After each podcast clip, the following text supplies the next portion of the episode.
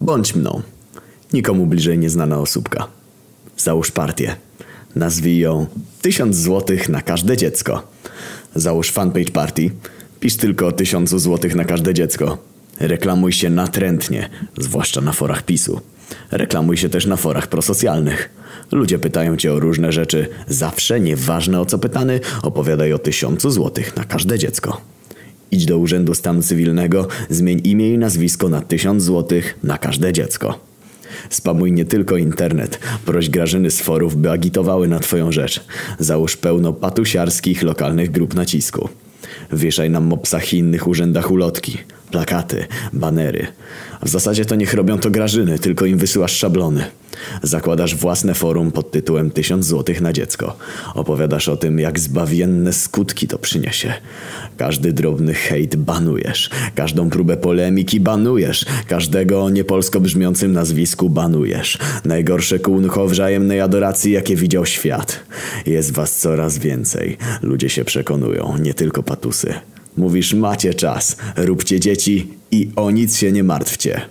PiS hurdurzy, ale to nic przy hurdurzeniu reszty. Zaczynają cię zapraszać do mediów. Na początek lokalna gazeta, lokalne radio, lokalna telewizja. Przychodzi czas na media krajowe.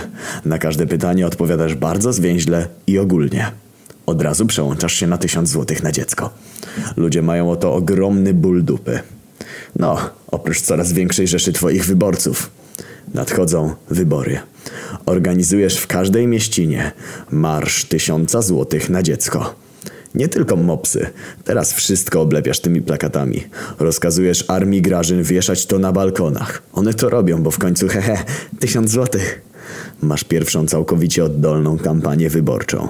Idziesz na debatę, krzyczysz o złodziejach, krzyczysz o półśrodkach, krzyczysz o tysiącu złotych na dziecko. Wyciągasz sobie z zapleców ogromną flagę. Zasłaniasz wszystko. Śpiewasz hymn i nią machasz. Zagłuszasz rozmówców. Wyprowadzają cię z telewizji. Na odchodne krzyczysz, by ludzie nie dali się zmanipulować propagandzie. O wyborach. Wygrałeś. Nawet bardziej niż PiS poprzednio. Udało ci się do Sejmu wprowadzić prawie 300 posłów. W Senacie jeszcze lepiej. Mówisz, że przemówisz do narodu. Wybierasz największy plac. Zjeżdżają się ludzie z całej Polski. Kochają cię. Wielbią. Noszą twoje zdjęcia jak obrazy świętych na Boże ciało. To jest ten moment. Wchodzisz na mównicę, wznosisz ręce jak papież. Tłum wiwatuje. Bierzesz mikrofon. Jebać roszczeniową hołotę! Tłum wiwatuje, bo jeszcze nie załapało co chodzi.